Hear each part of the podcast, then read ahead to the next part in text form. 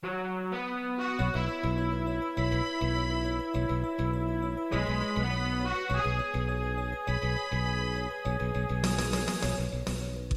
listening to Radio Free Asia. The following program is in Khmer.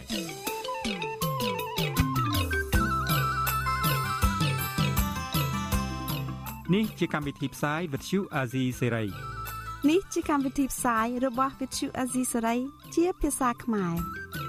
វត្តឈូអាស៊ីសេរីសូមស្វាគមន៍លោកអ្នកនាងទាំងអស់ពីរដ្ឋធានី Washington នៃសហរដ្ឋអាមេរិកចាប់ផ្សាយផ្ទាល់ពីរដ្ឋធានី Washington នាងខ្ញុំសោជីវីសូមជម្រាបសួរលោកអ្នកនាងកញ្ញាដែលកំពុងតាមដានការផ្សាយរបស់ Vithu Azisari ទាំងអស់ជាទីមេត្រីចា៎យើងខ្ញុំសូមជូនកម្មវិធីផ្សាយសម្រាប់យប់ថ្ងៃអង្គារ2រោចខែពិសាឆ្នាំខាលចត្វាស័កពុទ្ធសករាជ2566ចាប់ត្រូវនៅថ្ងៃទី17ខែឧសភាគ្រិស្តសករាជ2022 ចាជាដំបូងនេះសូមអញ្ជើញលោកអ្នកនាងស្ដាប់ព័ត៌មានប្រចាំថ្ងៃដែលមានមេត្តាដូចតទៅ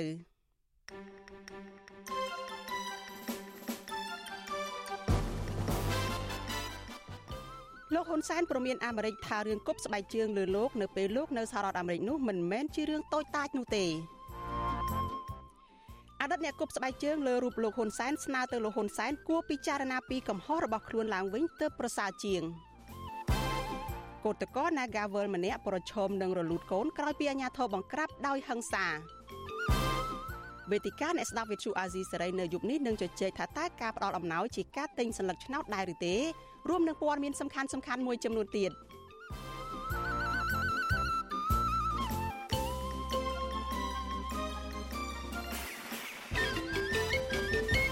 ចាជាបន្តទៅទៀតនេះនាងខ្ញុំសុជីវីសូមជូនព័ត៌មានទាំងនេះពិស្ដា ចាលោកនាងជាទីមេត្រីចាថ្ងៃនេះគឺជាថ្ងៃដំបូងដែលក្រុមការងាររបស់វិទ្យុអាស៊ីសេរីចាត្រឡប់មកធ្វើការងារនៅឯ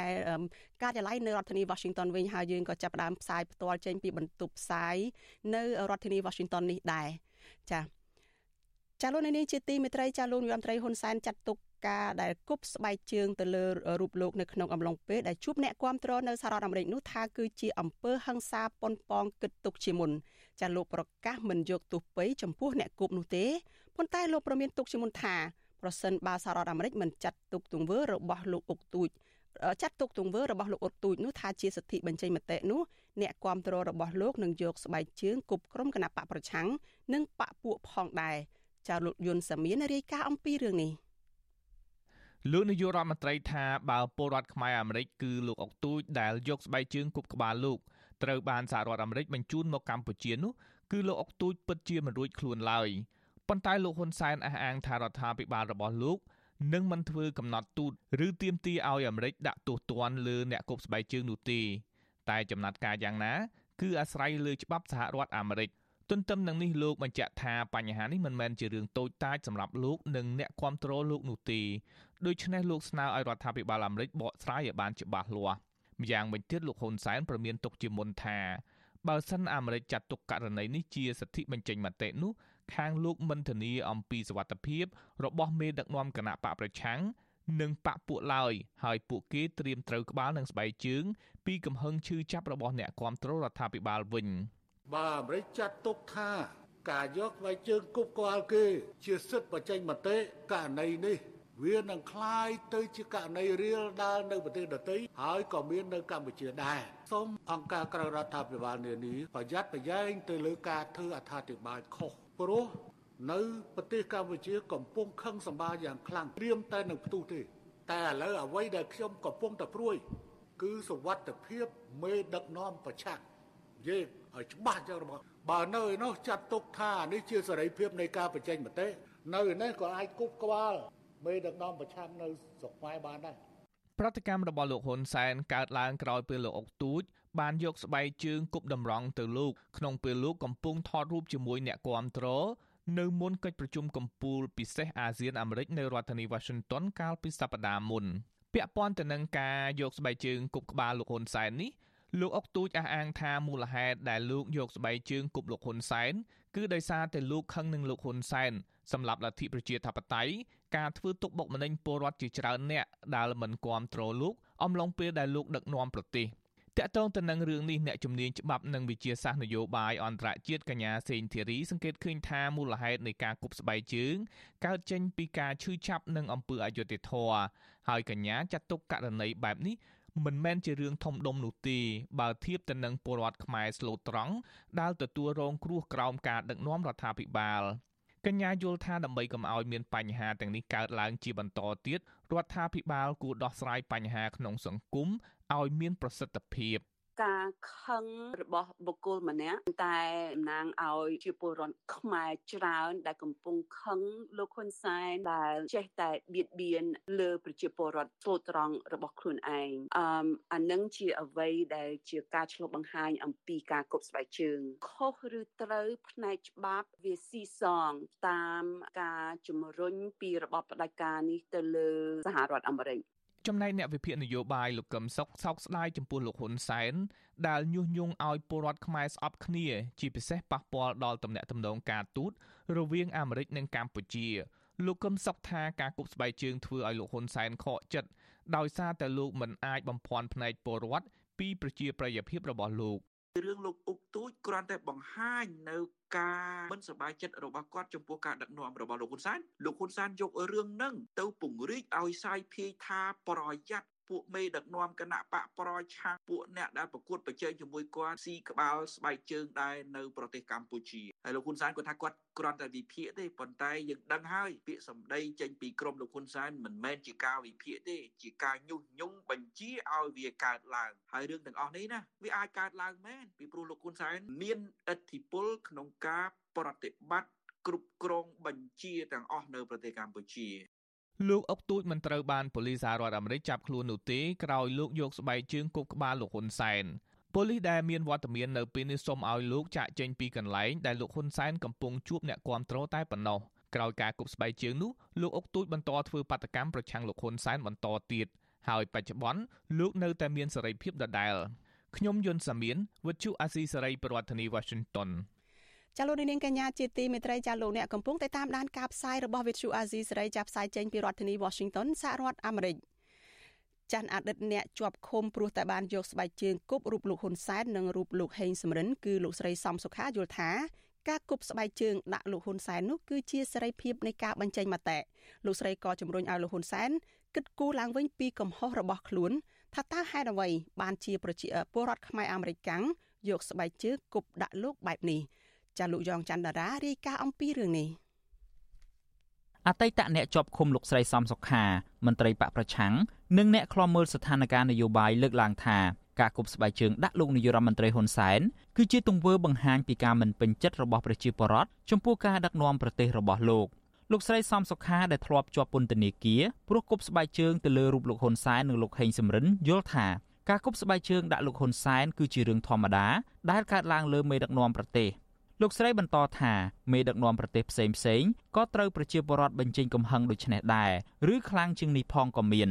លោកស្រីស្នើទៅលោកហ៊ុនសែនធ្វើចិត្តឲ្យធ្ងន់ដោយកុំប្រកាន់ទៅលើប្រជាពលរដ្ឋដែលប្រព្រឹត្តទង្វើបែបនេះលោកស្រីបន្តទៀតថាមេដឹកនាំប្រទេសដោយលោកហ៊ុនសែនទាល់តែទទួលការរិះគន់បែបនេះទើបធ្វើឲ្យលោកអាចពិចារណាពីកំហុសរបស់ខ្លួនឡើងវិញ គាត់តាំងខ្លួនជាឪពុកម្ដាយគេខ្ញុំគិតថាគាត់គួរតែតាំងចិត្តឲ្យធ្ងន់ជាងនឹងបន្តិចមិនមែនចិត្តស្រាលខឹងអីឡើងចាប់ដាក់គុកខឹងអីឡើងចាប់ដាក់គុកមិនមិនសួរនាំពីមូលហេតុដើមតងអីដូចជាខ្ញុំអញ្ចឹងថាមូលហេតុអីបានខ្ញុំធ្វើបែបហ្នឹងអញ្ចឹងអញ្ចឹងការបញ្ចេញមតិយោបល់ឬមួយក៏អំពើហិង្សាដល់ថ្នាក់ដល់បែបហ្នឹងគាត់គួរតែគិតពិចារណាថាមកដើមហេតុមកពីរឿងអីមកពីមូលហេតុអីហេតុអ្វីបានជាមានការមិនពេញចិត្ត លោកស្រីសំសុខាលើកឡើងដូចនេះក្រោយពេលប្រជាពលរដ្ឋខ្មែរអាមេរិកាំងម្នាក់ឈ្មោះអុកទូចបានយកស្បែកជើងគប់លោកហ៊ុនសែនក្នុងពេលលោកកំពុងជួបអ្នកគាំទ្រនៅរដ្ឋធានី Washington សហរដ្ឋអាមេរិកកាលពីពេលថ្មីៗនេះលោកស្រីសំសុខាត្រូវបានតុលាការខេត្តកំពង់ស្ពឺកាត់ទោសឲ្យជាប់ពន្ធនាគារ4ឆ្នាំកាលពីឆ្នាំ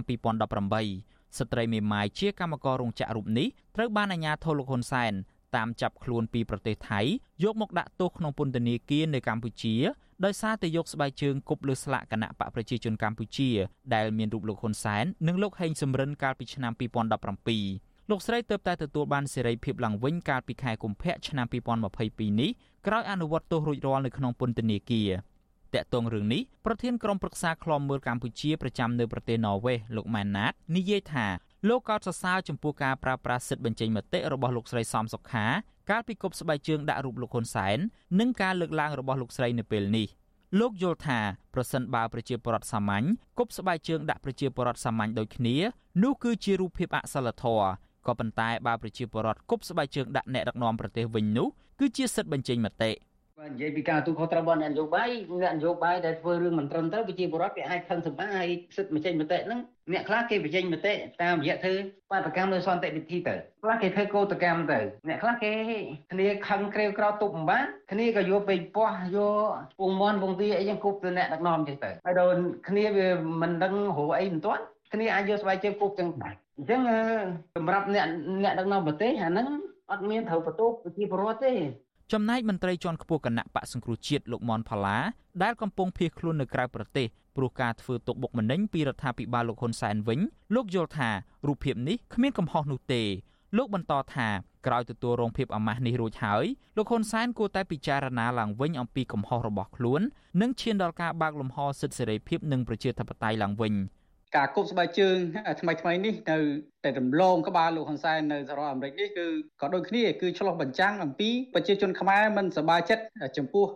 ចរិតដឹកនាំរបស់លោកហ៊ុនសែនតាំងពីយូរយារណាស់មកហើយហេតុដូច្នេះហើយពួកគាត់អត់ដឹងធ្វើអាម៉េចធ្វើអ្វីកើតដូច្នេះគាត់ត្រូវតែបញ្ចេញកំហឹងតាមរយៈការគប់ស្បែកជើងនេះ វិទ្យុអាស៊ីសេរីមិនអាចសុំប្រតិកម្មឆ្លើយតបរឿងនេះពីប្រធានអង្គភិបអ្នកនាំពាក្យរដ្ឋាភិបាលលោកផៃស៊ីផាននិងអ្នកនាំពាក្យគណៈបកប្រជាជនកម្ពុជាលោកសុកអេសានបានទេនៅថ្ងៃទី17ខែឧសភា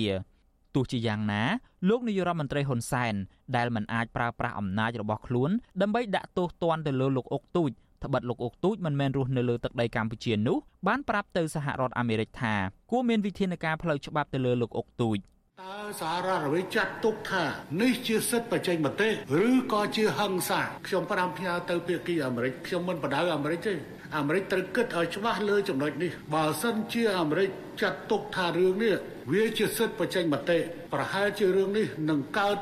នៅគ្រប់ប្រទេសទាំងអស់រាប់ទាំងកម្ពុជាអញ្ចឹងក្រុមអ្នកដែលប្រឆាំងហ៊ុនសែនទាំងប្រមាណត្រៀមត្រូវក្បាលស្បែកជើងរឿងនេះមិនមែនរឿងតូចតាចទេសូមសហរដ្ឋអាមេរិកគិតគូរឲ្យបានច្បាស់ លោកស្រីសំសុខាឲ្យវិទ្យុអាស៊ីសេរីដឹងបន្ថែមថានៅពេលនេះលោកស្រីក៏មានការព្រួយបារម្ភពីសវត្ថភាពរបស់ខ្លួនដែរដោយខ្លាចត្រូវអាជ្ញាធរឬក្រុមជ្រុលនិយមគ្រប់គ្រងលោកហ៊ុនសែនដែលមិនអាចទៅបញ្ចេញកំហឹងដាក់លោកអុកទូចបាននោះប៉ុន្តែបែរជាមកធ្វើបាបលោកស្រីដែលជាអ្នកធ្លាប់គប់ស្បែកជើងលើរូបលោកហ៊ុនសែននិងលោកហេងសំរិនទៅវិញខ្ញុំយ៉ងច័ន្ទដារាវិទ្យុអាស៊ីសេរីរាយការណ៍ពីរដ្ឋធានី Washington ចាលោកនាងកញ្ញាប្រិយមិត្តជាទីមេត្រីចាដំណើរគ្នានឹងការផ្សាយផ្ទាល់តាមបណ្ដាញសង្គម Facebook និង YouTube នេះចាលោកនាងក៏អាចស្ដាប់ការផ្សាយរបស់ Vithu Azizi សេរីចាតាមរយៈ Vithu រលកធាតុអាកាសខ្លីចា SW តាមកម្រិតនិងកម្ពស់ដូចតទៅនេះចាប់ពេលព្រឹកចាប់ពីម៉ោង5កន្លះដល់ម៉ោង6កន្លះតាមរយៈរលកធាតុអាកាសខ្លី12140 kHz ស្មើនឹងកម្ពស់ 25m និង13715 kHz ស្មើនឹងកម្ពស់ 25m ចាប់ពេលយប់ចាប់ពីម៉ោង7កន្លះដល់ម៉ោង8កន្លះ តាមរយៈរលកធាតុអាកាសខ្លី9960 kHz ស្មើនឹងកម្ពស់ 30m 12140 kHz ស្មើនឹងកម្ពស់ 25m ចានឹង11885 kHz ស្មើនឹងកម្ពស់ 25m អាស៊ីសេរី ចាលោករនាងកញ្ញាជាទីមេត្រីចាព័ត៌មានតកតនៅគណៈបកភ្លើងទៀនឯនេះវិញចាសកម្មជនគណៈបកភ្លើងទៀននៅឯខេត្តស្ទឹងត្រែងអះអាងថាអាញាធរមិនសូវចាប់អារម្មណ៍អនុវត្តច្បាប់ចំពោះអ្នកបំផ្លាញស្លាកគណៈបកភ្លើងទៀននោះទេចាតែផ្ទុយទៅវិញប្រសិនបើមានបុគ្គលណាម្នាក់វាឬក៏បំផ្លាញឬក៏ធ្វើឲ្យប៉ះពាល់ទៅដល់ស្លាកគណៈបកកណ្ដាលអំណាចអាញាធរតែងតែមានវិធានការយ៉ាងលឿនដោយកម្រនិងរួចខ្លួនណាស់ចាពួកគេចាត់ទុកទង្វើនេះថាជាការអនុវត្តច្បាប់ដែលមានស្តង់ដារ2 ចាអនុប្រធានគណៈបកភ្លើងទៀននៅឯខេត្តស្ទឹងត្រែងលោកតុកស៊ីសាបុតប្រាប់វិទ្យុអាស៊ីសេរីនៅថ្ងៃទី17ខែឧសភាថាមកទល់ពេលនេះមានជនមិនស្គាល់មុខបានវាយកំទេចស្លាកសញ្ញាគណៈបកភ្លើងទៀន4លើកមកហើយដោយគ្មានសមត្ថកិច្ចណាចាប់ខ្លួនជនសង្ស័យណាម្នាក់មកអនុវត្តបាក់ច្បាប់បាននៅឡើយទេបើទោះបីជាពួកលោកបានរាយការណ៍ជាច្រើនដងយ៉ាងណាក្តី។ ចាលោកថាស្លាកគណៈបកភ្លើងទៀនមួយកន្លែងនៅក្នុងក្រុងស្ទឹងត្រែងត្រូវជន់មិនស្គាល់មុខវាយកំទេចពីរដងជាប់ជាប់គ្នាហើយស្លាកគណៈបកភ្លើងទៀនពីរកន្លែងទៀតស្ថិតនៅក្នុងស្រុកសេសាននិងស្រុកថ្លាបរិវត្តក៏ត្រូវគេវាយកំទេចចោលដែរលោកចាត់ទុកទង្វើបែបនេះថាជាទង្វើលងបន្លាចលើស្មារតីនយោបាយរបស់សកម្មជនគណបកភ្លើងទៀនប៉ុន្តែពួកលោកមិនខ្លាចរអានោះឡើយ។ បាទទង្វើហ្នឹងគឺបំផិនភ័យគណៈបកយោបាយក៏មែនក៏ប៉ុន្តែយើងចង់សុំនប់ពួកអាជ្ញាធរដែលដូចជាមេភូមិមេឃុំហ្នឹងគាត់កំធ្វើទុកបុកម្នេញទៅលើបេក្ខជនដែលចូលឈ្មោះដើម្បីប្រកួតចែងលទ្ធិប្រជាធិបតេយ្យហ្នឹងគាត់ថាសេរីភូបកយើងត្រូវតែមានការប្រកួតចែងហើយបើមានបកច្រើនចាវិទ្យុអាស៊ីសេរីមិនអាចតាក់ទងសុំការឆ្លើយតបរឿងនេះពីអភិបាលខេត្តស្ទឹងត្រែងលោកស្វាយសំអៀងបាននៅឡើយទេ នៅថ្ងៃទី17ឧសភាដោយទូរស័ព្ទរបស់លោកមិនអាចតាក់ទងបាន ចានៅពេលដែលមានការបោះឆ្នោតក្រុមប្រឹក្សាឃុំសង្កាត់កាន់តែខិតជិតមកដល់ចាទាំងលោកនាយរដ្ឋមន្ត្រីហ៊ុនសែននិងរដ្ឋមន្ត្រីក្រសួងមហាផ្ទៃលោកសខេងសុទ្ធតែបានណែនាំឲ្យអាជ្ញាធរថ្នាក់ក្រោមចាការពារសវត្ថិភាពបេក្ខជនឈរឈ្មោះបោះឆ្នោតក្រុមប្រឹក្សាសុំបេក្ខជនដែលឈរឈ្មោះបោះឆ្នោតក្រុមប្រឹក្សាឃុំសង្កាត់ចានឹងបង្កបរិយាកាសឲ្យបានល្អជៀសវាងប្រើអំពើហិង្សាទាំងរាងកាយនិងពាក្យសម្ដីដើម្បីធានាឲ្យការបោះឆ្នោតខាងមុខនេះប្រព្រឹត្តទៅដោយសេរីត្រឹមត្រូវនិងយុត្តិធម៌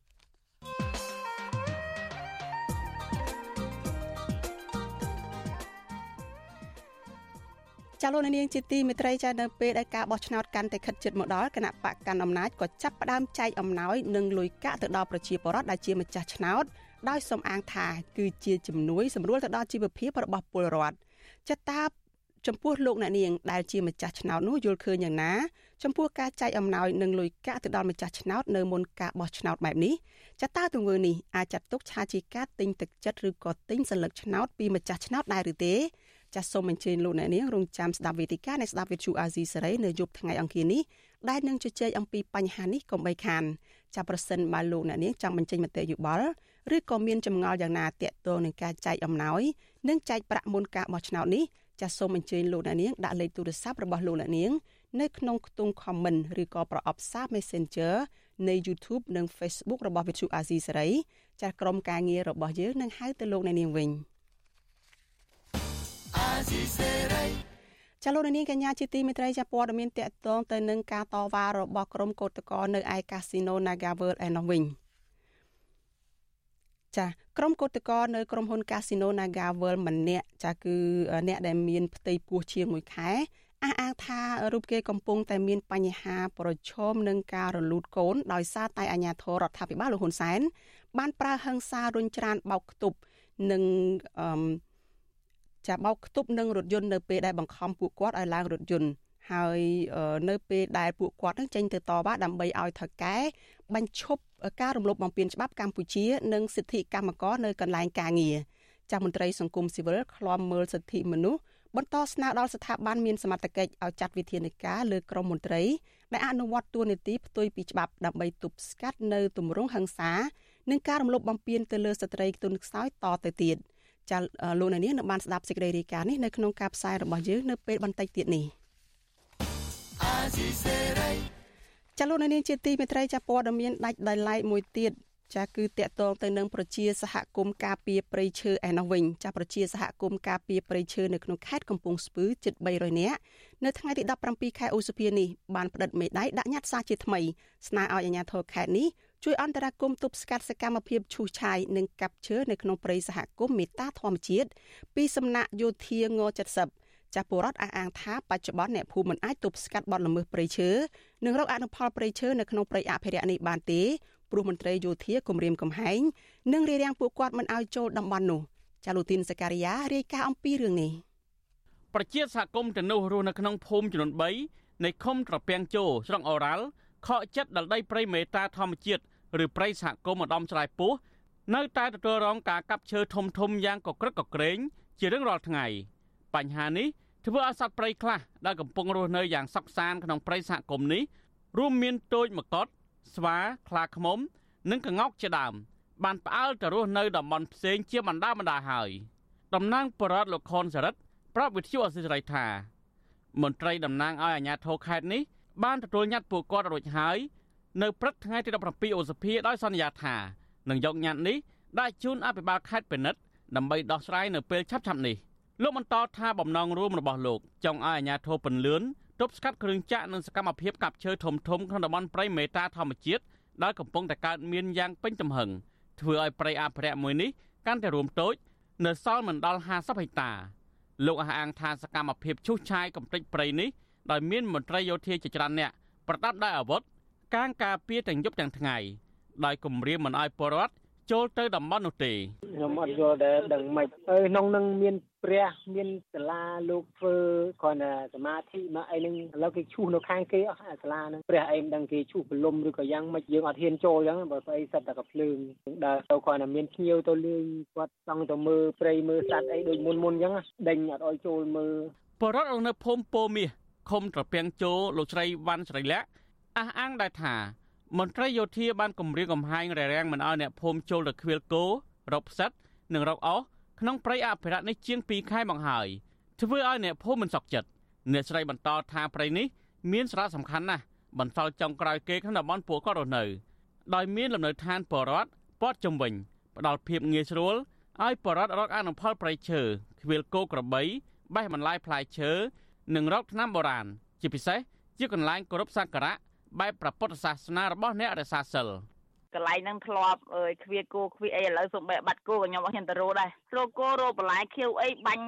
សត្វតែបាញ់គម្រាមបាញ់ប្រហើគេយ៉ាងហ្នឹងហើយអើយកន្លែងហ្នឹងអ្នកស្រុកក៏គេប្រមូលផលដូចជាដកផ្សិតខែភ្លៀងអញ្ចឹងគេដកផ្សិតហើយបោចវ៉ារោអោសខ្វៀគោខ្វៀអីហ្នឹងពូចាឥឡូវហ្នឹងបាត់បងស្រុកហើយសំបីតែបើពួកខ្ញុំទៅរោតែបន្លែស្លនក៏រោលេងបានដែរជាតិឲ្យដើរចូលនៅហ្នឹងមកឆ្លើយតបនៅរឿងនេះអភិបាលខេត្តកំពង់ស្ពឺលោកវីសំណាងប្រាប់វិទ្យុអសិរ័យថា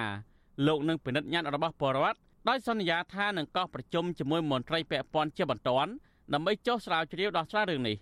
លោកជំរុញឲ្យប្រសង់និងប្រជាសហគមន៍ត្រូវរាយការណ៍ទៅមន្ត្រីពាក់ព័ន្ធនៅចិត្តនោះបើសិនជាប្រទេសឃើញបាត់ល្មើសព្រៃឈើជាក់ស្ដែង។ ចាំខ្ញុំយកញត្តិមកមើលមកមើលហើយខ្ញុំកោះប្រជុំសិនញត្តិហ្នឹងវាតាក់ទងទៅនឹងការទន្ទ្រានកាន់កាប់ទៅកាប់កាប់ព្រៃឈើរបស់លោកអញ្ចឹងមកកាប់ព្រៃរបស់លោកគឺសូមឲ្យបងប្អូនដែលជួបប្រទេសនឹងបាត់ល្មើសហ្នឹងគាត់ទៅរាយការណ៍ដល់មន្ត្រីដែលនិជិតនឹងបំផុតមានមន្ត្រីបរិស្ថានក៏ដោយមន្ត្រីរដ្ឋបាលព្រៃឈើក៏ដោយអាជ្ញាធរក៏ដោយឲ្យគាត់ទៅទប់ស្កាត់អាហ្នឹងมันលឿនជាងកុំបាច់ចាំរកអន្តរាគមពីចម្ងាយទៅអ្នកភូមិចោទថាក្រុមទាហានង70បានយកឈ្មោះលោកហ៊ុនម៉ាណែតជាខ្នងបង្អាច ដើម្បីច្បាមយកព្រៃអភិរក្សនេះលក់ធ្វើអាជីវកម្មក្រោយពីទីផ្សារដីនៅតំបន់នោះឡើងតម្លៃខ្ពស់វិទ្យុអសិរ័យមិនអាចតតងសំការបំភ្លឺពីរឿងនេះពីលោកហ៊ុនម៉ាណែតបានឡើយទេ នៅថ្ងៃទី17ឧសភានេះតំណាងសហគមន៍លោកសយសាទព្រួយបារម្ភថាសកម្មភាពឈូសឆាយនិងកាប់ឈើធំធំមិនទាន់បានផ្អាកសកម្មភាពនេះនៅឡើយទេបើទោះបីជាអ្នកភូមិជិត1000នាក់បានលើកគ្នាតវ៉ាទាមទារអរដ្ឋាភិបាល ដោះស្រាយរឿងនេះជាច្រើនលើកច្រើនសារមកហើយក្តីលោកសង្កត់ធ្ងន់ថាពួកលោកនឹងវិច្ចបង្វិច្ចនឹងស្បៀងអាហារដើម្បីធ្វើដំណើរទៅតាវ៉ាជាទ្រង់ទ្រាយធំនៅរាជធានីភ្នំពេញជាថ្មីទៀតប្រសិនបើគ្មានដំណោះស្រាយទេនោះកាលពីសប្តាហ៍មុនប្រជាសហគមន៍ជិត1000នាក់បានលើកគ្នាតវ៉ានៅក្រសួងដែនដីនគររូបនីយកម្មដើម្បីទាមទារអរដ្ឋាភិបាលលុបគម្រោងកាត់ជ្រឿលដីព្រៃសហគមន៍មេតាធម្មជាតិទំហំជិត300ហិកតាជំវិញនឹងរឿងនេះ ប្រធានអង្គការប្រឆាំងអំពើពុករលួយទប់ស្កាត់ការបំផ្លាញធនធានធម្មជាតិនិងការពារសិទ្ធិពលរដ្ឋលោកជាហ៊ានដែលចោះអង្កេតរឿងនេះសង្កេតឃើញថាការឈូសឆាយដីព្រៃនិងកាប់ឈើធ្វើអាជីវកម្មក្រោមរបៀបផ្ដាល់ដីសម្បត្តិសង្គមគិច្ចបង្កប់ភាពមិនប្រក្រតីជាច្រើនរដ្ឋាភិបាលគួរតែពិនិត្យឡើងវិញព្រោះគម្រោងនេះប៉ះពាល់ប្រៃឈើបន្សល់ចុងក្រោយដល់អ្នកភូមិនិងប្រសង់ខំថែទាំជាង25ឆ្នាំមកហើយលោកអះអាងថាបរិណនៅបននោះ អន់ចិត្តចំពោះទង្វើនេះហើយពួកគេកំពុងតែដេកយំស្ដាយប្រៃប្រឹក្សានៅចិត្តភូមិកំណើតរបស់ពួកគាត់កំពុងប្រឈមនឹងការបាត់បង់ទាំងអស់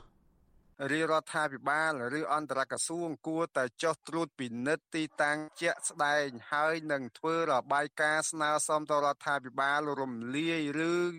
និរាកររាល់លិខិតទាំងអស់ដែលមានភាពមិនប្រក្រតីនឹងឡើងវិញ ប្រជាសហគមន៍បន្ថែមថាកន្លងទៅ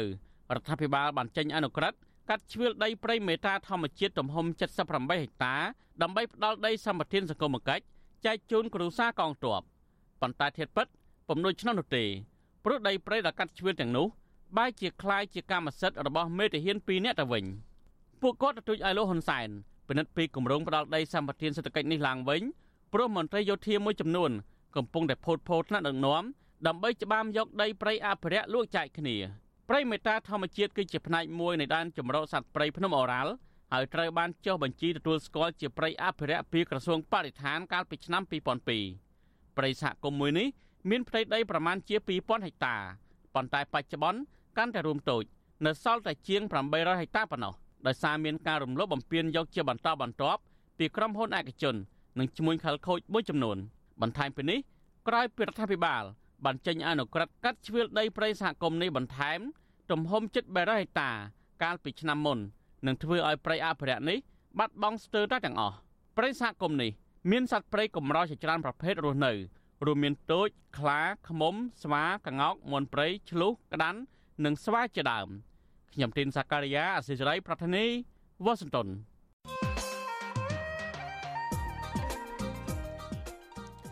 ចាលោកនាងជាទីមេត្រីចានៅពេលដែលការបោះឆ្នោតកាន់តែខិតជិតមកដល់គណៈបកកណ្ដាលអំណាចក៏ចាប់ផ្ដើមចែកអំណោយនិងលុយកាក់ដល់ពលរដ្ឋដែលជាម្ចាស់ឆ្នោតដោយសំអាងថាគឺជាជំនួយសម្រួលដល់ដល់ជីវភាពរបស់ពលរដ្ឋ ចតាលោកនាងជាដែលជាម្ចាស់ឆ្នោតយល់យ៉ាងណាចំពោះការចែកអំណោយនិងលុយកាក់ទៅដល់ម្ចាស់ឆ្នោតនៅមុនការបោះឆ្នោតបែបនេះចតាទង្វើនេះចាត់ទុកថាជាការទិញទឹកចិត្តឬទិញសញ្ញាឆ្នោតដែរឬទេ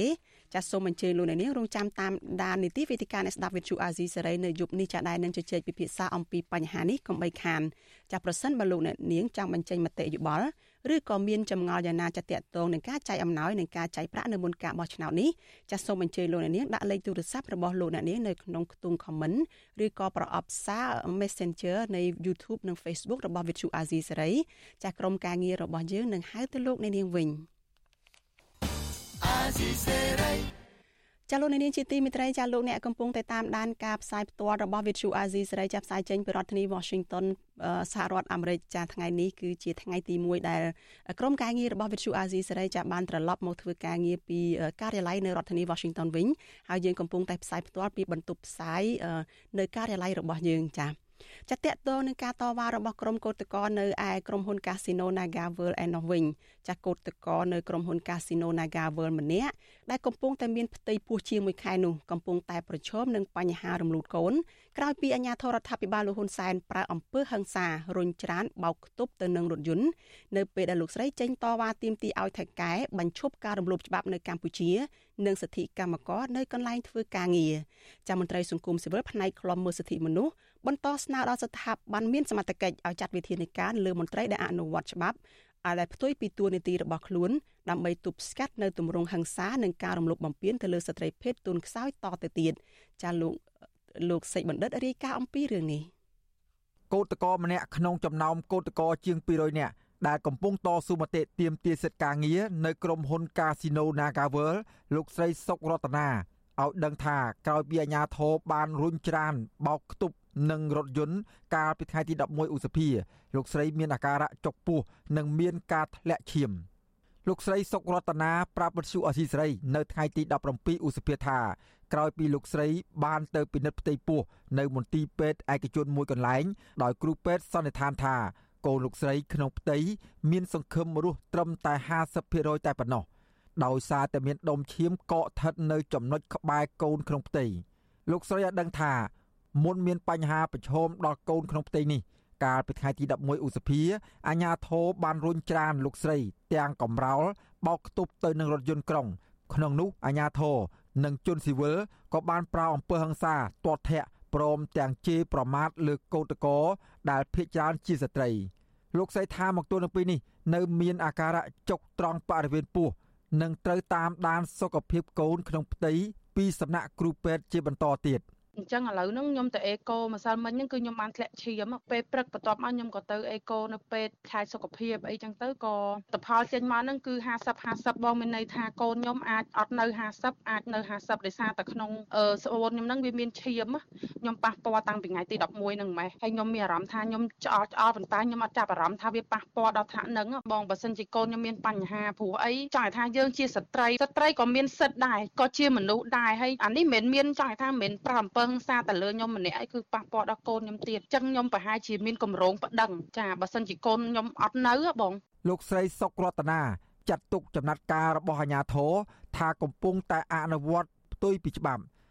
លោកស្រីបន្ថែមថាការទៀមទារបស់គឧតកោកន្លងមកនេះគឺក្រមគឧតកោតែងតែអនុវត្តតាមគោលការណ៍ច្បាប់ជាតិនិងអន្តរជាតិហើយការដែលគឧតកោទៀមទាសិទ្ធិសេរីភាពការងារក៏មិនមែនជាបទឧក្រិដ្ឋ ដែលត្រូវបានអាជ្ញាធរបង្ក្រាបបែបនេះដែរ ចាព្រោះយើងមានច្បាប់ទាំងអស់យើងមានច្បាប់អឺការងារយើងមានច្បាប់សហជីពសិទ្ធិសេរីភាពសហជីពដែលចែងក្នុងរដ្ឋធម្មនុញ្ញហើយមានច្បាប់ធ្វើកោតកម្មទៀតចុះហេតុអីក៏នៅតែមកបង្ក្រាបពួកខ្ញុំដែលជាស្ត្រីដែលជាកោតក្រតតែតតែថ្វាយធ្វើបាបរុញច្រានបោចសក់ធាត់ធាក់មានគ្រប់ទម្រង់4 5ខែហ្នឹងគឺទូអស់ហើយបងបើជើងវិញគឺជាប់ហើយស្រីស្រីគឺជាប់ជើងហើយសម្រាប់ខ្ញុំផ្ទាល់ក៏ត្រូវបានគាត់រុញគាត់ច្រានអីចឹងទៅហើយសម្រាប់អឺកោតក្រស្រីស្រីផ្សេងផ្សេងហ្នឹងត្រូវបានគាត់អូសទៅអូសមកបវលទៅបវលមកគឺរុរុញទៅរុញមកលក្ខណៈថាដូចបាល់អញ្ចឹងបងបើសិនជាកូនខ្ញុំមានការបាត់បង់ខ្ញុំពិតជាសោកស្ដាយបងព្រោះស្រុកយើងមានច្បាប់មានទម្លាប់ត្រឹមត្រូវវិទ្យុអាស៊ីស្រីមិនទាន់អាចតាក់ទងអ្នកនាំពាក្យស្នងការដ្ឋាននគរបាលរាជធានីភ្នំពេញលោកសានសុកសិហា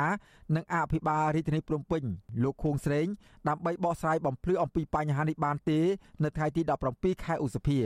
ប៉ុន្តែកន្លងទៅ លោកសានសុកសិហានិងរដ្ឋបាលក្រុងភ្នំពេញ បានចាត់ទុកការតវ៉ារបស់ក្រុមកោតក្រនៃក្រុមហ៊ុន Nagavel ថាជាការធ្វើបាតកម្មខុសច្បាប់ លើពីនេះទៀតលោកសានសុកសេហាក៏ធ្លាប់បានលើកឡើងថាសមត្ថកិច្ចមិនបានប្រៅអំពើហិង្សាណាមួយទៅលើក្រុមកោតក្រឡើយផ្ទុយទៅវិញគឺក្រុមកោតក្រតែនោះទេដែលតែងតែបង្កើតរូបភាពរុញច្រានមកលើក្រុមសមត្ថកិច្ចដើម្បីបំភាន់ភ្នែកមហាជនទោះយ៉ាងណាមន្ត្រីអង្គការសង្គមស៊ីវិលនិងក្រមសហជីពមើលឃើញថាចំណាត់ការរបស់អាជ្ញាធរ បានរំលោភសិទ្ធិកោតក្រទាំងស្រុង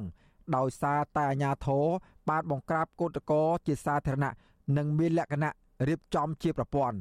ក្រៅពីនេះរូបភាពដែលអាជ្ញាធរបានបង្ក្រាបកោតក្រកន្លងមកនេះត្រូវបានចែកចាយនៅលើបណ្ដាញសង្គមដោយពួកគេសុទ្ធសឹងតែមានស្លាកស្នាមជួមនៅលើដងខ្លួនទោះជាបែបនេះក្តីមកទល់នឹងពេលនេះគ្មានស្ថាប័នពាក់ព័ន្ធណាក៏ហៅមន្ត្រីដែលដល់ទាំងនោះមកធ្វើការអប់រំឬមានចំណាត់ការតាមផ្លូវច្បាប់នោះទេ នាយកទទួលបន្ទុកកិច្ចការទូតនៃអង្គការសិទ្ធិមនុស្សលីកាដូ លោកអំសំអាតសោកស្ដាយដែលវិវាទការងារដ៏រ៉ាំរ៉ៃមួយនេះនៅតែបន្តអូសបន្លាយពេលដែលបណ្ដាលឲ្យកោតក្របន្តទទួលរងអំពើហិង្សា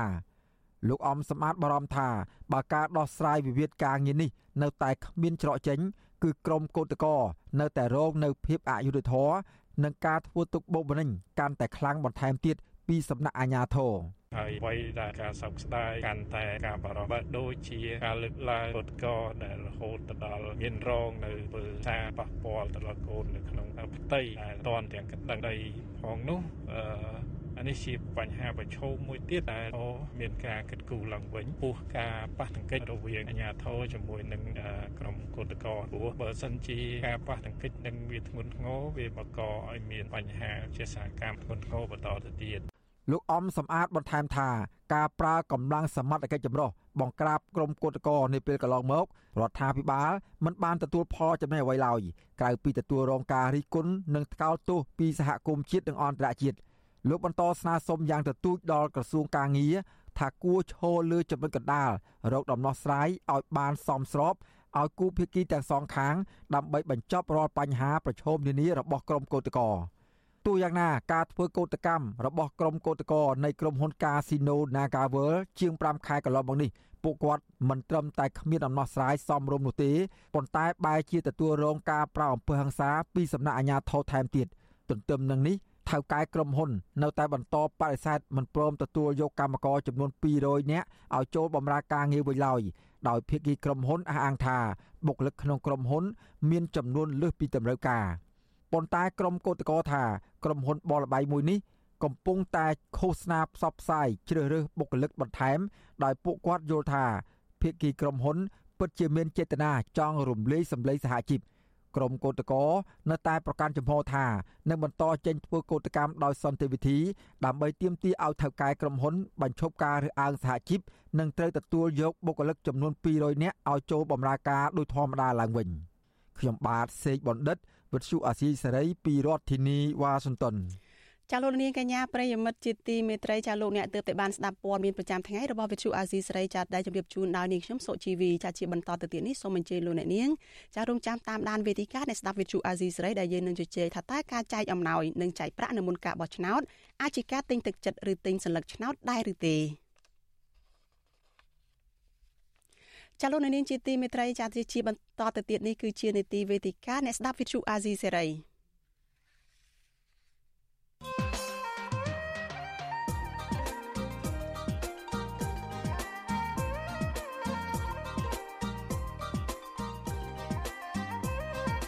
វេទិកាអ្នកស្ដាប់វិទ្យុអាស៊ីសេរី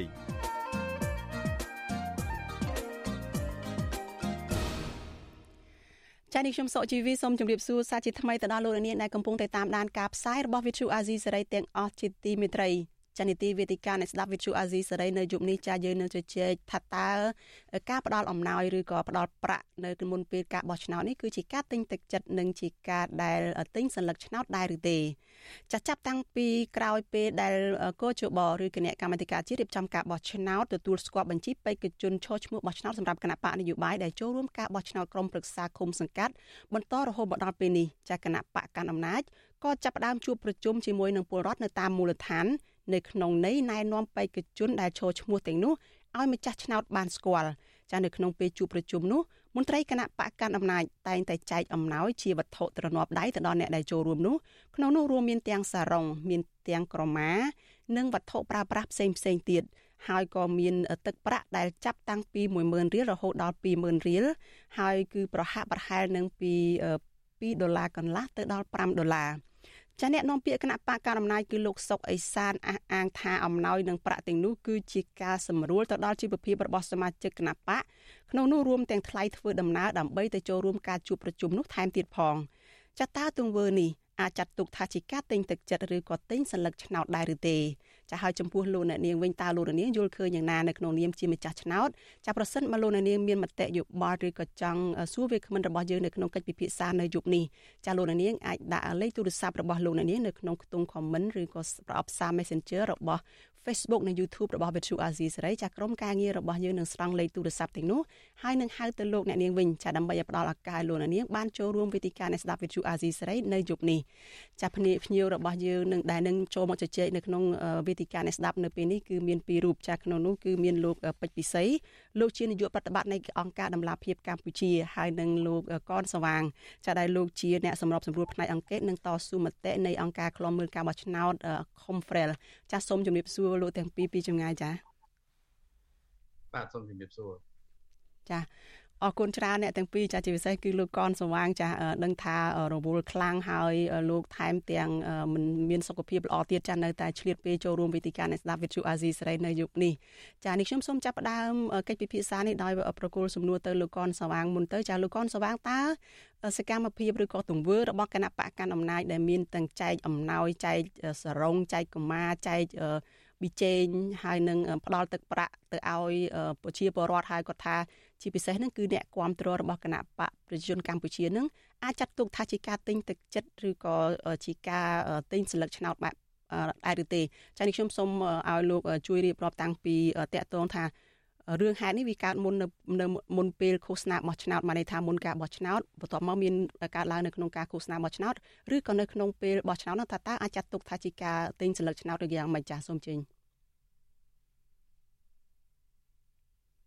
បាទសូមអរគុណហើយសូមជម្រាបសួរដល់អ្នករួមរួលហើយលោកស្រីបងអឺបងបាទដោយសារតែមករយៈនេះមានការមានប្រវត្តិច្រើនបាទគាត់តាក់ទងនឹងកិច្ចការងារដែលបានលើកឡើងខាងលើនេះយើងនឹងពិនិត្យមើលនៅក្នុងដើមហេតុនីមួយៗបាទអឺមុនពេលរងពេលនិងក្រោយពេលឃោសនា បើយើងនិយាយអំពីច្បាប់មែនទែនទៅច្បាប់មិនមានចំណុចណាមួយជាក់លាក់ដែលចែងថាការឃោសនាមុនគឺការចែកអំណោយអីមុនហ្នឹងគឺជារឿងដែលវាខុសច្បាប់ហ្នឹងគឺថាมันមានការចែងឲ្យបានច្បាស់លាស់ទេភាគច្រើនគឺស្ថិតនៅក្នុងនិយាយអំពីនៅក្នុងកំឡុងពេលនៃការបោះឆ្នោតបាទដែលមានការចែងនៅក្នុងមេត្រានីមួយៗបាទប៉ុន្តែទោះបីជាយ៉ាងណាក៏ដោយ យើងត្រូវតែពិនិត្យមើលទៅលើសកម្មភាពហ្នឹងថាតើតួអង្គដែលចូលរួមនៅក្នុងដំណើរការនេះយើងចាត់ទុកថាជាការឃោសនាដែរឬទេបើហើយតួអង្គនៃការចូលរួមហ្នឹងគឺជានរណាមួយ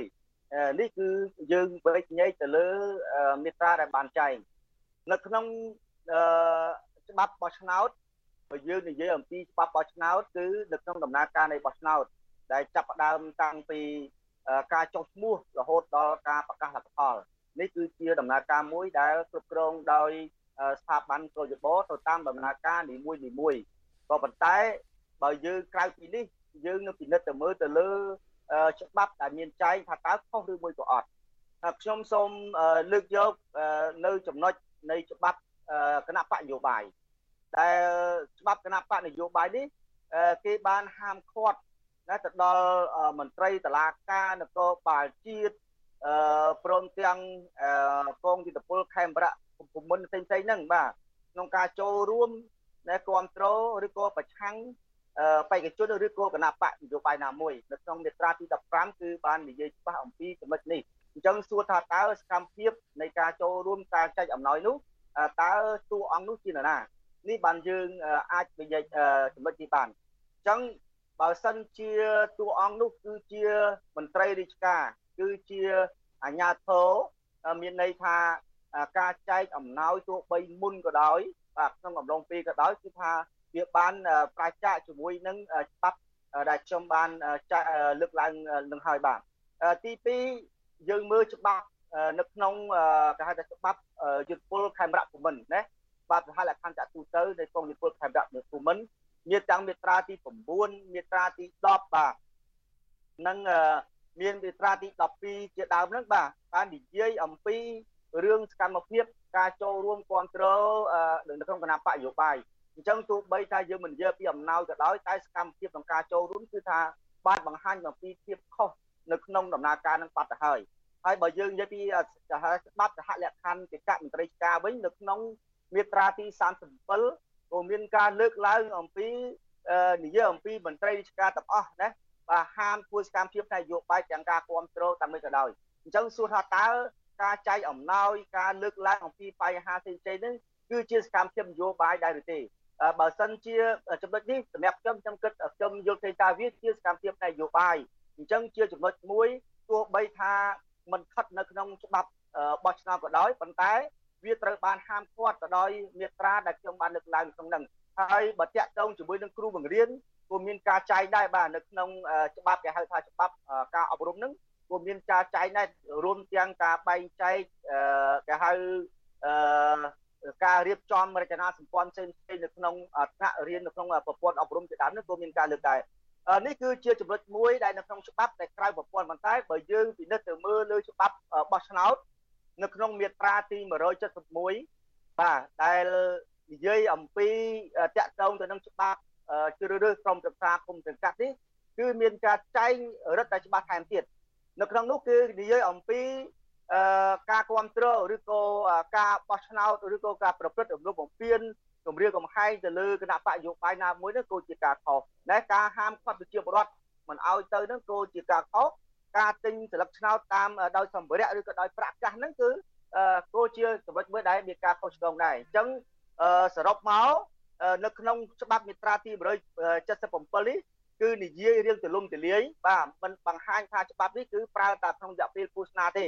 បាទអញ្ចឹងគ្រាន់តែថាវាអាស្រ័យលើ ការបកប្រែកន្លងមកថាច្បាប់ហ្នឹងគឺជាច្បាប់ដែលនិយាយតែក្នុងកន្លងពេលឃោសនាជាដើមប៉ុន្តែក្នុងនេះគឺមានការចែកច្បាស់ហើយបើពាក់ព័ន្ធដោយសារតែនិយាយអំពី ការខូចរបៀបរៀបរយនៃពេលបោះឆ្នោតជាដើមអញ្ចឹងមានថាច្បាប់នេះវាគ្រប់លំដាប់ទាំងអស់នៅក្នុងដំណើរការនៃការឃោសនានឹងតែម្ដងបាទអញ្ចឹងសរុបមកច្បាប់ទាំងអស់នេះគឺសិតតែមានចែងអំពីការអនុវត្តរបស់គេហៅតួអង្គនៅក្នុងការចូលរួមនៃក្នុងឃោសនាបោះឆ្នោតហ្នឹងចា៎សូមអរគុណបាទប៉ុណ្្នឹងចា៎ចា៎ លោកកនសវាងជារួមទៅសរុបទៅមានន័យថាម៉េចទៅមានន័យថាអាចចាត់ទុកថាជាការទិញសัญลักษณ์ឆ្នោតឬក៏ទិញទឹកចិត្តពលរដ្ឋដែរទេពីព្រោះខាងអ្នកនាំពាក្យគណៈបកកណ្ដាលអំណាចលើកឡើងថាគាត់ចែកតែទៅអ្នកគ្រប់គ្រងគណៈបករបស់គាត់ទេមិនបានចែកទៅដល់អ្នកផ្សេងទេបើសិនបើគាត់ចែកទៅអ្នកផ្សេងអាចចាត់ទុកថាគឺជាការដែលគាត់ទិញសិលឹកឆ្នោតទិញទឹកចិត្តអីចឹងទៅប៉ុន្តែគាត់នេះគឺជាការជួយសម្រួលទៅដល់ ជីវភាពឬក៏ចេញសហួយធ្វើដំណើរសម្រាប់សមាជិកគណៈបករបស់លោកតែប៉ុណ្ណោះនឹងចា៎យើងមើលទៅលើប្រធានបទទៅមើលនៅចំណុច2ទី1តួអង្គដែលចែកតាណាបើសិនជាតួអង្គនោះស្ថិតនៅក្នុងអ្វីដែលខ្ញុំបានលើកលើកលើកលើកឡើងពីខាងលើនេះគឺប្រកាសណាស់ជាខុសពីព្រោះលោកជាមន្ត្រីរាជការលោកជាកងកម្លាំងបាទ លោកជាកងយុទ្ធពលឬក៏ទាហាននេះគឺថាឬក៏គ្រូបង្រៀននេះគឺខុសហើយនៅក្នុងឬក៏មន្ត្រីតឡាការនេះគឺខុសនៅក្នុងច្បាប់គឺខុសទី2ការចែកប្រកាសទោះបីថានៅក្នុងសមាជិកក៏ដោយទៅសមាជិកក៏ដោយបើរកឃើញថាមានការបខិតបខំរកឃើញថាមានការឲ្យផ្លាស់ប្ដូរនៅក្នុងគេហៅថាសិទ្ធិរបស់គាត់ឬក៏ឆន្ទៈរបស់គាត់ដែលធ្វើឲ្យគាត់មានការកែប្រែ ក៏ជាចំណុចមួយដែលខុសដែរបាទនៅក្នុងនៅក្នុងមាត្រាទី171ហ្នឹងនៃច្បាប់បោះឆ្នោតកម្មសាគុំកាន់នេះគឺមាននិយាយឲ្យពីបញ្ហាទាំងអស់ហ្នឹងបាទចាចាចំពោះ ប្រជាពលរដ្ឋអ្នកម្ចាស់ឆ្នោតវិញចាប៉ះសិនបើលោកអ្នកនាង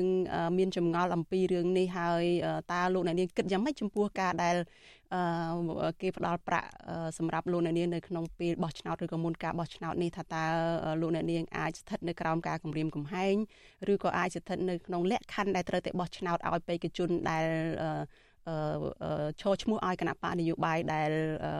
លោកអ្នកនាងបានទៅជួបហើយបានទទួលប្រាក់ពីគេនោះចាប្រសិនបើលោកអ្នកនាងមានចម្ងល់ឬក៏ចង់បញ្ចេញមតិយោបល់តាក់ទងនៅរឿងនេះចាសូមអញ្ជើញលោកអ្នកនាងដាក់លេខទូរស័ព្ទរបស់លោកអ្នកនាងនៅក្នុងខ្ទង់ comment ចាឬក៏ប្រអប់សារ Messenger នៃ Facebook និង YouTube របស់វិទ្យុអាស៊ីសេរីចាក្រុមការងាររបស់យើងនឹងហៅទៅលោកអ្នកនាងវិញចាសូមងាកមកលោក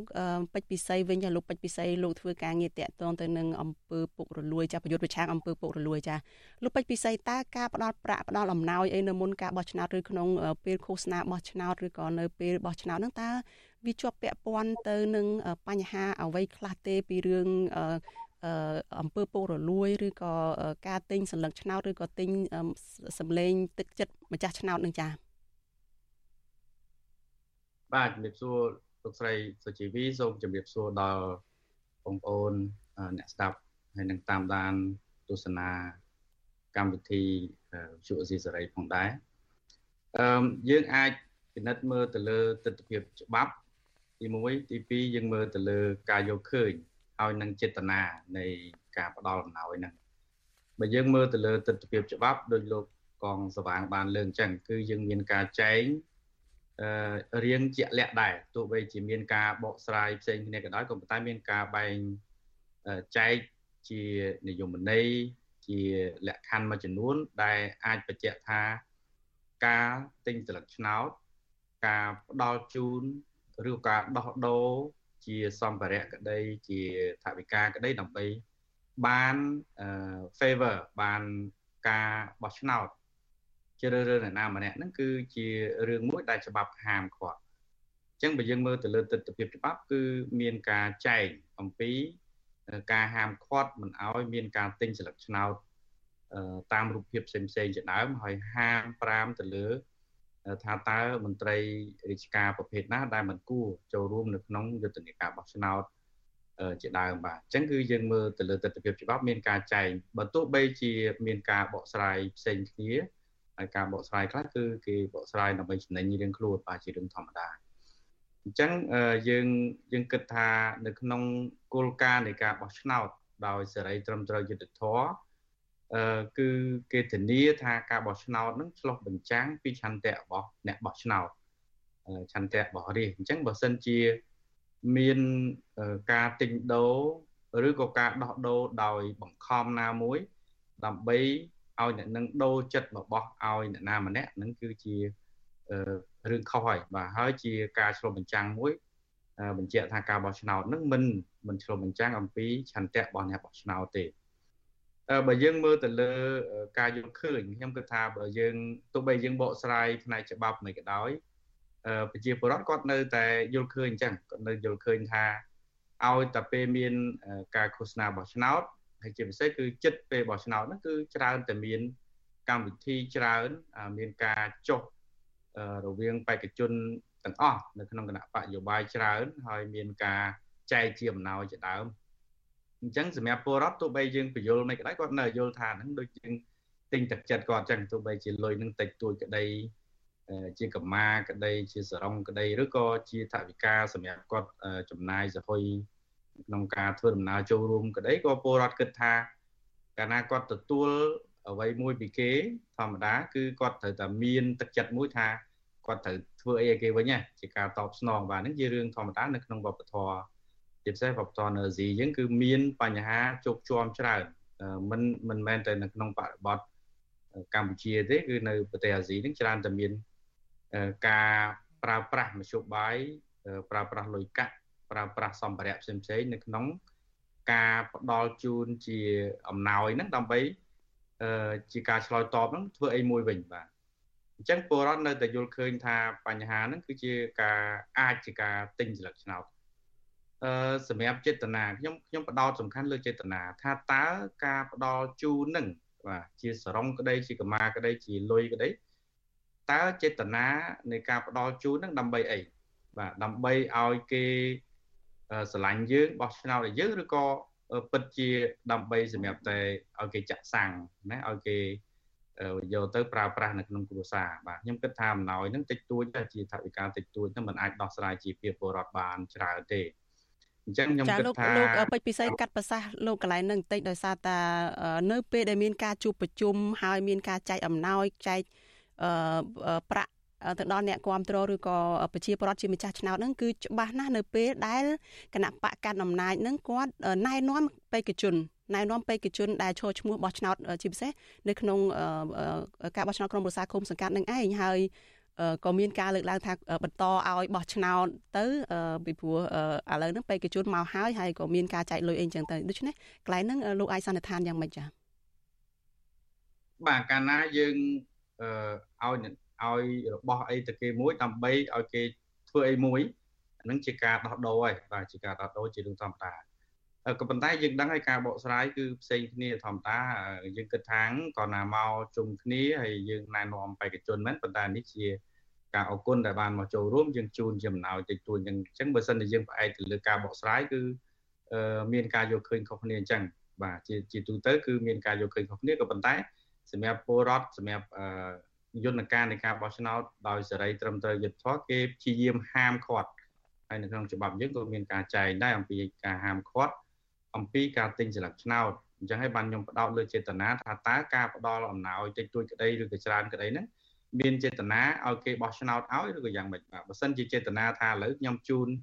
គាត់5ដុល្លារហ្នឹងសូមឲ្យបោះឆ្នោតឲ្យខ្ញុំបើសិនជាយើងរកឃើញមានការជាប់ពាក់ព័ន្ធអញ្ចឹងគឺអានឹងជាការទិញស្លឹកឆ្នោតហើយក៏ប៉ុន្តែការបកស្រាយផ្សេងគ្នាបាទចា ចាសូមងាកទៅលោកកនសវាងវិញលោកកនសវាងលោកបានលើកឡើងតាក់ទងនឹងផ្លូវច្បាប់មួយចំនួនពីច្បាប់គណៈបកនយោបាយអីជាដើមច្បាប់សហលកម្មតិកៈមន្ត្រីរាជការហើយនឹងកងកម្លាំងប្រដាប់អាវុធអីជាដើមរួចមកហើយចាតាក់ទងនឹងការបោះឆ្នោតនេះចានេះខ្ញុំសូមលើកចំណុចមួយដោយសារតែមន្ត្រីកោជបលោកបានលើកឡើងថាការដែលផ្ដល់អំណោយឬក៏ផ្ដល់ប្រាក់នេះ មិនមែនជាការទិញទឹកចិត្តឬក៏មិនអាចចាត់ទុកថាជាការទិញទឹកចិត្តឬក៏ទិញស្លឹកឆ្នោតទេប្រសិនបើធ្វើឡើងនៅមុនការឃោសនាបោះឆ្នោតចាដូចករណីថានៅក្នុងកលតិស័កបច្ចុប្បន្នឥឡូវនេះឬឬក៏នៅមុនពេលដែលការឃោសនាបោះឆ្នោតនឹងចាប់ផ្ដើមជាដើមចានៅក្នុងមាត្រា71ចានៃច្បាប់ស្ដីពីការបោះឆ្នោតជ្រើសរើសក្រុមប្រឹក្សាគុំសង្កាត់នោះបានលើកឡើងនៅត្រង់ចំណុចថាគ្រប់គណៈបកនយោបាយបេក្ខជនឬក៏តំណាងទាំងអស់ របស់គណៈបកនយោបាយទាំងនោះគឺមិនត្រូវផ្ដល់អំណោយឬជាថវិកាឬក៏សម្ភារៈទោះជាប្រភេទជារង្វាន់លើកទឹកចិត្តទោះជាតាមមធ្យោបាយណាគឺរូបភាពណាក៏ដោយទៅដល់ស្ថាប័នឬអង្គការឬក៏បុគ្គលនៅក្នុងគុំបំណងទិញទឹកចិត្តអ្នកបោះឆ្នោតហ្នឹងគឺជាទង្វើដែលល្មើសច្បាប់ហើយចាស់ច្បាប់បោះឆ្នោតនឹងហើយចំពោះលោកកនសវាងវិញឆតាតើ វាខុសគ្នាយ៉ាងម៉េចនៅមុនពេលបោះឆ្នោតហើយនឹងនៅមុនពេលឃោសនាបោះឆ្នោតនិងក្នុងពេលឃោសនាបោះឆ្នោតនឹងហេតុអ្វីបានជាច្បាប់លើកឡើងតែចំណុចឃោសនាបោះឆ្នោតមិនលើកពីចំណុចនៅមុនការឃោសនាបោះឆ្នោតហើយកន្លងមកហ្នឹងក្រុមអង្គការសង្គមស៊ីវិលបានលើកឡើងថាគណៈបកកាន់អំណាចហ្នឹងក៏ឆ្លៀតឱកាសដែរឃោសនានៅមុនពេលដែលឃោសនាការឃោសនាចូលមកដល់ហ្នឹងចា៎អឺសូមអរគុណបាទហើយមែនទៅការបកស្រាយអឺ មានការបកស្រាយផ្នែកនយោបាយរៀងៗខ្លួនខ្ញុំកន្លងមកខ្ញុំតែងតែខ្ញុំឃើញការបកស្រាយតាមនិន្នាការនយោបាយហើយសំបីតែខ្ញុំពេលខ្លះខ្ញុំទៅជែកជាមួយស្ដាប់ជាមួយនឹងស្ថាប័នគយបលហ្នឹងក៏ការបកស្រាយខ្លះខ្ញុំមានការភ្ញាក់ផ្អើលផងដែររឿងសំខាន់ជាងគេនេះគឺជាច្បាប់ដែលយើងបានឆ្លងកាត់នៅក្នុងច្បាប់បោះឆ្នោតច្បាប់គណៈបកនយោបាយច្បាប់សហកម្មទាំងអស់ហ្នឹងប៉ុន្តែជាគោលការណ៍សកល ទទួលការសកលដោយលោកពេទ្យពិសីបានលើកឡើងអញ្ចឹងណាបាទដូចជាច្បាប់គេហៅថាស្ដីប្រកាសនៅទីក្រុងបាងកកឬក៏ច្បាប់សភាអន្តរជាតិដូចជាដើមអញ្ចឹងគេហាមនៅក្នុងគោលការណ៍នៃការចែកលុយចែកកាក់ហ្នឹងការទិញហ្នឹងបាទហើយប្រទេសនៅមួយចំនួននៅក្នុងអាស៊ីយើងនេះបាទគេកំណត់ទាំងគេហៅថាគុណធានថវិកានៅក្នុងការប្រើប្រាស់ទៀតទាំងពេលឃោសនាហើយទាំងមុនឃោសនាទៀត នេះគឺជាចំណុចរួមទាំងការផ្លាកសញ្ញាថែមទៀតនៅក្នុងការដាក់នៅតាមការបិទហ្នឹងអានឹងគឺមានការកំណត់ប៉ុន្តែចម្លែកជើងគឺថាมันមានការចែងនៅក្នុងការចំណាយថវិកានៅបានច្បាស់លាស់ទេហើយបើស្ទើរត្រឡប់មកវិញថាតើ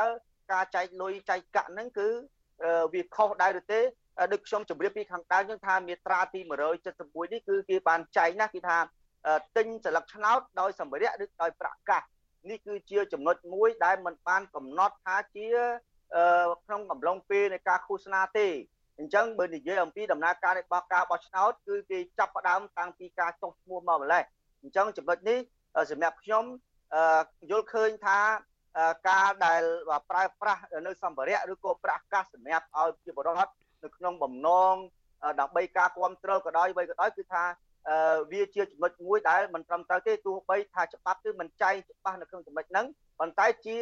គេហៅថាសមភាពណាគឺវាអត់ស្មារតីគ្នាទេ នៅក្នុងដំណើរការនៃការសកម្មភាពទាំងអស់ហ្នឹងបាទប៉ុន្តែដូចខ្ញុំជម្រាបចឹងថានៅក្នុងចំណុចនេះគឺគេបានចែងច្បាស់ណាស់បាទគឺទិញស្លឹកឆ្នោតដោយសម្ភារៈនេះក៏ដោយប្រកាសនៅក្នុងច្បាប់នេះគឺមិនបានហាមឃាត់មិនបាននិយាយអំពីអឺថាការក្នុងកំឡុងពេលឃោសនាបោះឆ្នោតទេ ហើយក្នុងពេលឃោសនាបោះឆ្នោតគឺគេមានលើកចែងមួយដោយឡែកទៀតនៅក្នុងចំណុចផ្សេងផ្សេងនៅក្នុងនៅខាងលើហ្នឹងបាទចា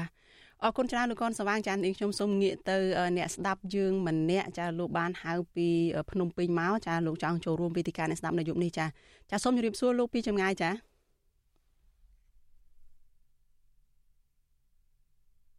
ចានេះខ្ញុំខ្ញុំគ្រាន់តែចង់មានយោបល់ថា ខ្ញុំឆ្ងល់ថាច្បាប់នៅកម្ពុជាតើទ្រឹស្ច្បាប់ចែងមកហ្នឹងគឺដើម្បីអនុវត្តឬក៏អនុវត្តទៅលើតែមួយខាងទេពួកឯងខ្ញុំគាត់សង្កត់ឃើញកន្លងមកភាគច្រើនច្បាប់ភាគច្រើនអនុវត្តតែមួយខាងចាអនុវត្តតែមួយខាងយ៉ាងម៉េចទៅលោកចាអឺភាគច្រើនគឺខាងប្រឆាំងឲ្យតែធ្វើអីតិចគឺគេលើកច្បាប់យកមកអនុវត្តតែថាខាងមួយខាងទៀតខាងកាន់អំណាច ភាគច្រើនគឺគេអត់សូវយកមកអនុវត្តទេហើយដោយរឿងការចែកអំណោយមុនការបោះឆ្នោតខ្ញុំយល់ឃើញថាគណៈបព្វជិជនធ្វើជាអចិន្ត្រៃយ៍តាំងពីដើមរៀងមកហើយខ្ញុំក៏ផ្ដល់យោបល់ទៅយុវជនយើងទាំងអស់គ្នាគួរទៅតាមដានរឿងនយោបាយរឿងអ្នកនយោបាយហើយយើងគួរតែស្វែងយល់ពីអ្នកនយោបាយតើអ្នកនយោបាយមួយណា ដែលគួរឲ្យយើងផ្ដល់ទំនុកចិត្តឲ្យតើអ្នកនយោបាយមួយណាដែល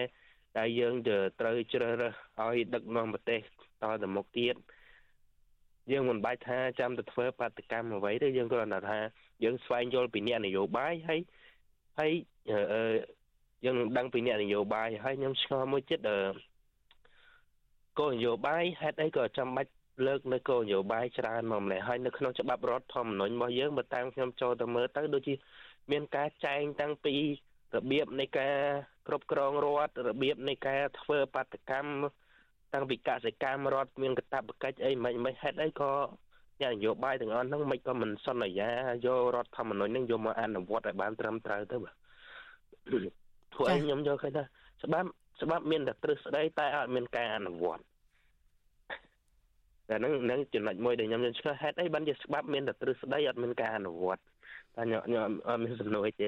ចាលោកចង់សួរព័ត៌មានពីលោកតិចលោកបានទទួលអំណោយឬក៏បានទទួលប្រាក់អីដែរទេទៅក្នុងពេលនេះចាខ្ញុំខ្ញុំអត់ទេតែខ្ញុំឃើញខ្ញុំឃើញ